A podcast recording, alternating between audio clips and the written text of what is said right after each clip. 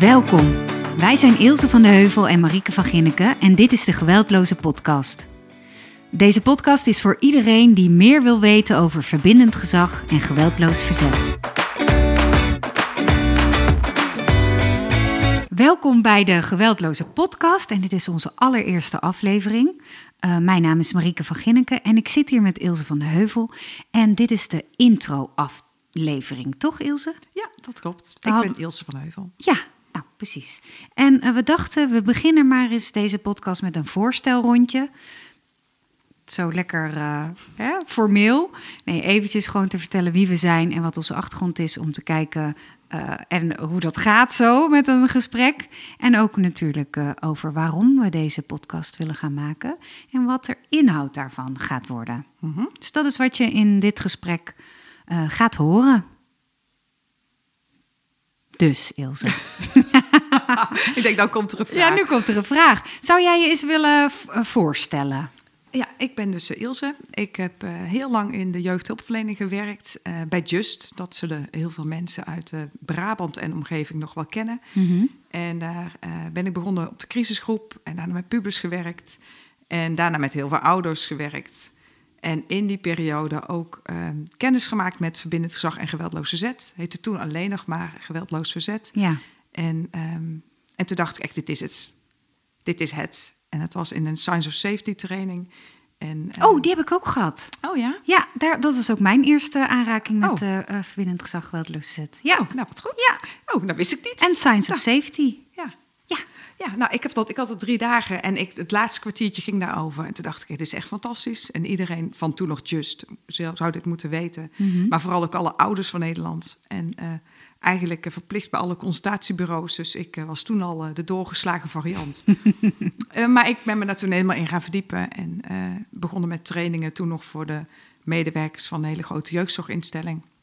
En we de training herschreven en gemaakt voor de ambulante mensen die in de gezinnen werken. En daarna voor de residentiële groepen. En inmiddels vijf jaar geheel als zelfstandige. Met gelukkig drie collega's erbij, waar jij er eentje van bent. Ja, zo leuk. Ja. En wie ben jij, Marieke van Ginneke? Ja, nou, ik wou daar nog wat over vragen eigenlijk. Of, of mag dat niet? Ja, dat mag. Ja, nee, want ik zat... Ik, ik zal zo mezelf voorstellen, maar ik zat te denken... Heb jij, heb jij ook in gezinnen gewerkt met geweldloos verzet en verbindend gezag? Als, als gezinshulpverlener? Ja.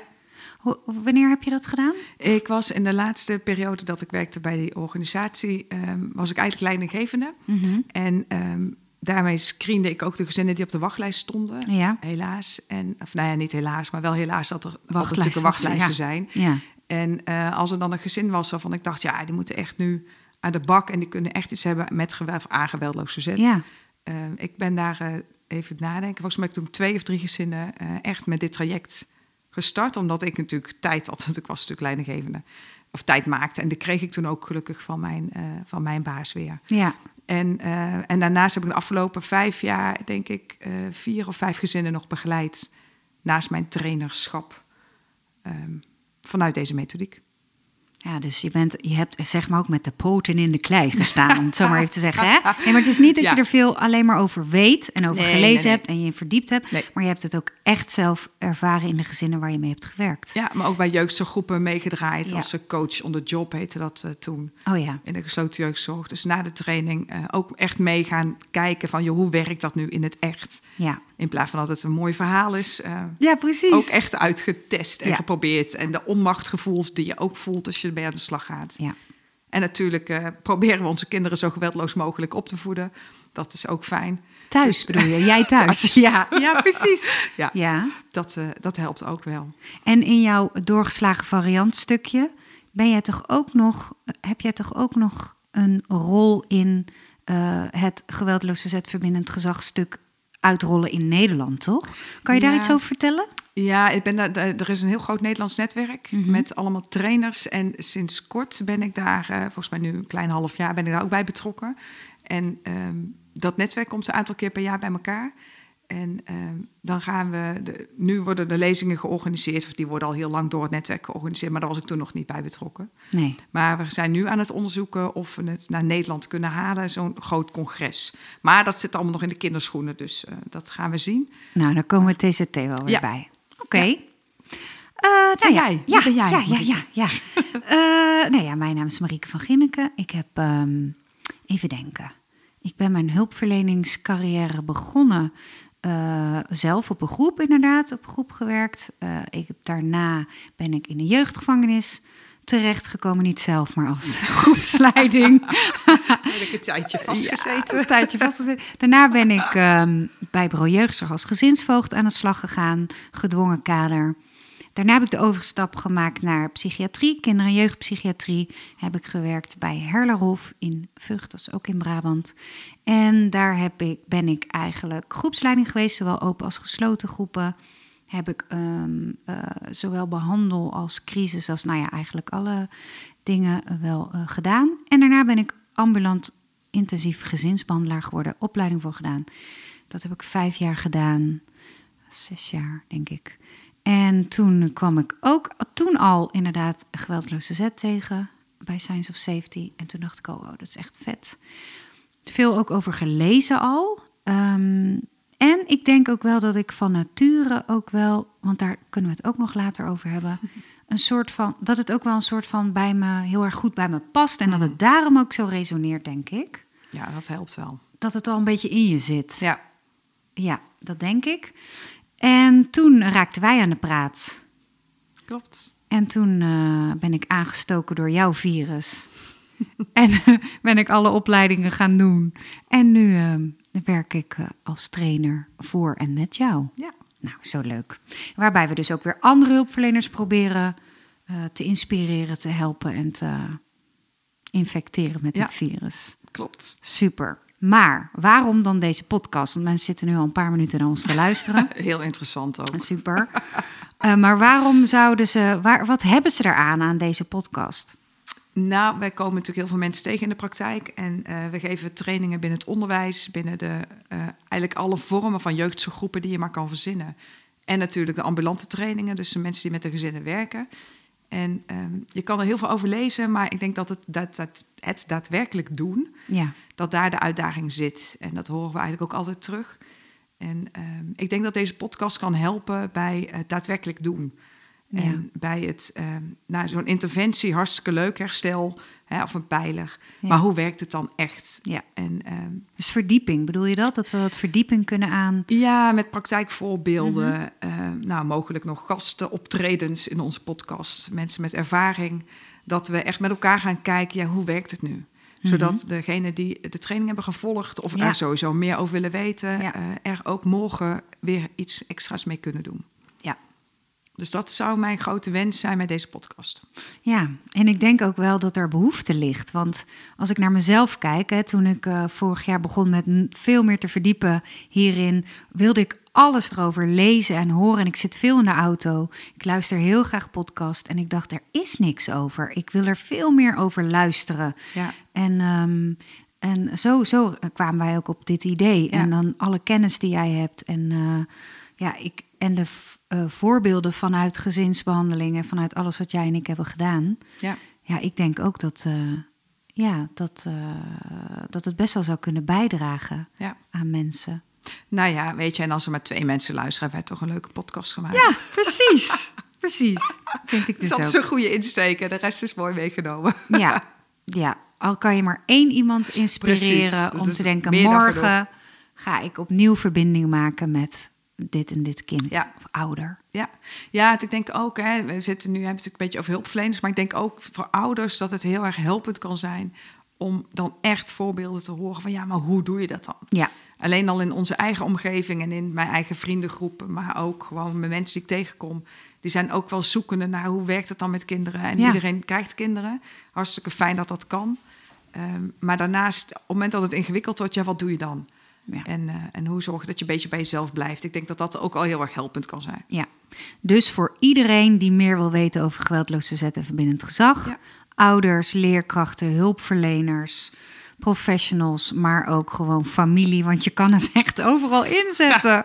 ja, Daar ben ook ik in ook. het zakenleven, Ja. het kan overal. Ja, dat is echt zo, ja. Ja. Ja. Oh, dat, daar gaan we het ook nog een keer over Ja. hebben. Een uitzending, dan nodigen we het diewertje uit. ja. nou, leuk. Waar gaan wij het deze podcast over hebben? Zo Ja. uit de losse pols Ja. even. wij gaan het hebben uh, uiteraard over de pijlers. Er zijn vijf pijlers, daar komen we nog op terug. En uh, die gaan we natuurlijk bespreken. En uh, er zijn heel veel interventies die hierbij horen. Dus daar gaan we het over hebben. En vooral over hoe doe je dat nou echt. En alles wat bij geweldloosheid en verbindingskracht komt kijken. Ja, dus eigenlijk de opbouw ja.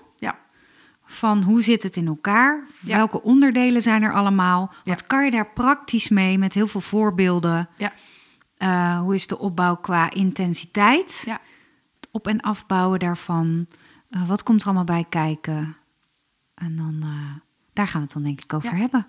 ja, en we zullen iedere podcast een goede titel geven. Als je bijvoorbeeld op zoek bent naar herstel, dat het duidelijk in de titel staat. Ja, Dat je ze ook niet allemaal hoeft te luisteren, dat mag uiteraard wel, maar dat je ook gewoon kan kiezen. Hier wil ik nu even mijn aandacht wat meer aan besteden. eh, dat je er ook makkelijk uit kan halen. ja. Even voor deze introductiepodcast. Waar ligt eigenlijk uh, de basis van uh, verbindend gezag? Nou, de basis van verbindend gezag ligt in Israël. De grondlegger is Chaim Omer. Mm -hmm. En Chaim Omer is hoogleraar psychologie aan de Universiteit van Tel Aviv. Oké. Okay. En hij is gaan onderzoeken hoe kan je nou verzetten tegen terroristisch gedrag van jongeren. En hoe kan je dat nou doen? Hè? Jongeren uh, die gewelddadig zijn in de opvoeding, dus als ouders. Oké. Okay. En hij is zich gaan verdiepen in uh, wat andere geweldloos verzetstrijders in het verleden hebben gedaan, de politieke verzetstrijders. Mm -hmm. En uh, hoe zij dat hebben aangepakt. En hij heeft daar eigenlijk een politieke opvoedstrijd van gemaakt. En hij is gaan kijken uh, naar bijvoorbeeld Gandhi, Martin Luther King, mm -hmm. ja. Rosa Parks, Nelson Mandela. En wat zij allemaal gedaan hebben. En uh, zij hebben allemaal zich meestal geweldloos verzet. Mm -hmm. En het allemaal ook samen gedaan, dus niet alleen. En dat is eigenlijk het belangrijkste element ook van geweldloos verzet om het, om het samen te doen. En nou, dus zo is het eigenlijk begonnen. En dat is in 2005 opgepikt door het Lorenshuis van Eliane Wiebega en Hans Bom. En die hebben het naar Nederland gehaald. En dus het is nou ja, al 18 jaar in Nederland. En zij hebben het. ja, Eliane heeft onder andere het boek vertaald ook. Het eerste boek. Het boek van uh, Omer. Ja, ja. Ja, ze zal niet de Israëlische versie hebben vertaald. Nee. Ik ga er even vanuit dat het de Engelse versie was. Ja, ja. En, uh, maar zij heeft dat wel uh, gedaan. En, um, en ik denk dat we daar... En nou ja, ik ben haar daar in ieder geval heel erg dankbaar voor dat ze dat heeft gedaan. Want dat is echt een ontzettend grote taak die je op je neemt. Ja. Um, maar dat maakt wel dat daardoor heel veel Nederlandse mensen uh, geïnspireerd zijn... en ermee in aanraking zijn gekomen. En dat het in Nederland best wel groot is geworden, gelukkig. En wereldwijd ook zijn er steeds meer mensen die, uh, die vanuit dit gedachtegoed werken. Ja. En het is eigenlijk gebaseerd op vijf pijlers. En de pijlers die, um, zijn niet per se in deze volgorde, maar ze zijn er wel allemaal. Eén pijler is gebaseerd op aanwezigheid, dus op waakzame zorg.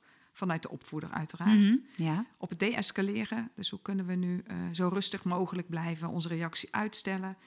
Op het herstellen van de relatie, dus vanuit de opvoeder naar het kind, maar ook kinderen onderling of jongeren naar anderen toe fouten maken mag, maar die hebben we wel goed te maken. Uh, hoe gaan we dat samen doen? Dus de wij, dus de support is ook een pijler. En we hebben natuurlijk uiteraard de verzetspijler. Ja. En die vijf pijlers samen uh, maken dat ouders, opvoeders, leerkrachten zich uh, minder machteloos voelen. En, en eigenlijk vanuit een nieuwe vorm van opvoeden kunnen blijven staan. Ja. En vroeger had je meer die oude autoriteit vanuit macht en actie-reactie. Ik ben de baas, dus je hebt naar mij te luisteren. Nou ja, dan weten dat dat niet werkt. En dat helemaal loslaten van die kinderen in de laissez-faire, dat werkt natuurlijk uiteraard helemaal niet. Hè, want kinderen hebben gewoon grenzen nodig en regels. En vanuit verbindend gezag, daar zit het eigenlijk allemaal in. Dus en regels en grenzen, maar ook liefde en relatie en aanwezigheid. Maar als we nou even heel praktisch, hè, een praktisch voorbeeld. Wat voor ouders zouden hier wat aan kunnen hebben? vraag, nee, maar, je, vraag je aan mij. Ja, nee, maar waar, waar je tegenaan kan lopen als voorbeeld. Ik, hè, uh, ik luister deze podcast en, en, en ik denk... En wanneer zou ik hier wat aan kunnen hebben? Nou, ik denk, ik, en sowieso zeg ik iedereen. Ouder, maar ja. goed, dat, uh, dat telt niet. Uh, ik denk wel uh, de ouders die zich soms machteloos voelen in, ja. in de opvoeden van hun eigen, ik hoop allemaal gezonde kinderen. En heb ik nog niet eens over kinderen met trauma en met hechtingsproblematiek. Mm -hmm. um, maar gewoon de ouders die, die bij mij op het schoolplein staan, bij wijze van spreken. Ja. Die het lastig vinden om nee te zeggen. Dus die gewend zijn om ja te zeggen en omdat ze daarmee de beste ouder zijn. Ja, wij noemen dat De cur- curling, ja, de curlingouders. curling oud. En, en die ouders die, die doen dat met zoveel liefde. En, ehm, en omdat ze echt denken dat ze het allerbeste doen. En ik, denk, ik geloof dat iedere ouder dat denkt. Maar door dat te doen leren kinderen ehm, ook niet dat nee ook een heel erg goed woord is. Mhm. En denken dus dat alles kan. En kinderen voelen dan ook niet meer dat ze zelf wel ingewikkelde problemen kunnen overwinnen. En dat kunnen hele kleine dingetjes zijn van teleurstellingen tot echt natuurlijk hele grote dingen. Mhm. En Daar komen we ook nog uitgebreid op Ja, terug. Hè? ja, maar zeker. ouders Maar die die, ouders zich machteloos voelen, Ja. of ouders die eh, inderdaad het moeilijk vinden te verdragen dat een kind iets Ja. ingewikkeld vindt. Ja. Ouders, Ouders die heel die- snel boos worden. Zonder Ja. dat je dat wil, hè. Je Ja. wil dat echt niet. Maar dat overkomt je weer voor de zoveelste keer. En dan hoor je jezelf iets roepen naar je kind. Dat je echt denkt, oh, jammer. Nou, die ouders ook. Ja. Van, van echt grote uitdagingen tot, tot kleine dingen. Eh, dat je, je voelt dat je weer iets toegeeft waarvan je eigenlijk denkt... oh, dat had ik niet moeten doen. ja. Ouders die denken, ja, mijn kinderen bepalen hier eigenlijk alles. Zulke ouders ook, hè? Ja. Ja. Ehm, het idee dat je geen controle meer hebt over je kind, Ja. dat gevoel. Ja. Dat je geen grip meer hebt. Ja. Eh, het idee dat je, dat je kinderen niet luisteren. Ja. Ehm, ja. Die, al- ja, dus, dus Iedereen. Nou, bijna wie niet. ja, wie niet eigenlijk. ja. Iedereen heeft er wat aan. Ja. Zeker ook, want dat is ook wel belangrijk te zeggen. Ook als je kinderen het best wel prima eh, in de pas lopen. Zelfs dan eh, haal je hier iets uit. Dat vind Ja. ik echt. Ja. Het is een soort basisattitude waar je, eh, die je kan toepassen in een gezin, in je familie, in je vrienden, in je werk. Ja. Overal eigenlijk. Ja. Ja, Ja. overal. Ja, mooi. Ja. De Zat basis de is gelegd. halen. Ja, de basis is gelegd. Waar komt het vandaan? Waar is het op gestoeld? Het is samen. Het is wij samen voor in plaats van wij samen tegen. Ja, hè? Wij absoluut. samen voor. Veel ehm, informatie, denk ik. Ja. Dus ik zou zeggen, blijf vooral luisteren. Welkom bij de Geweldloze Podcast. En eh, tot de volgende keer, waarbij we gaan starten met het eerste onderwerp van geweldloos verzet en winnend gezag.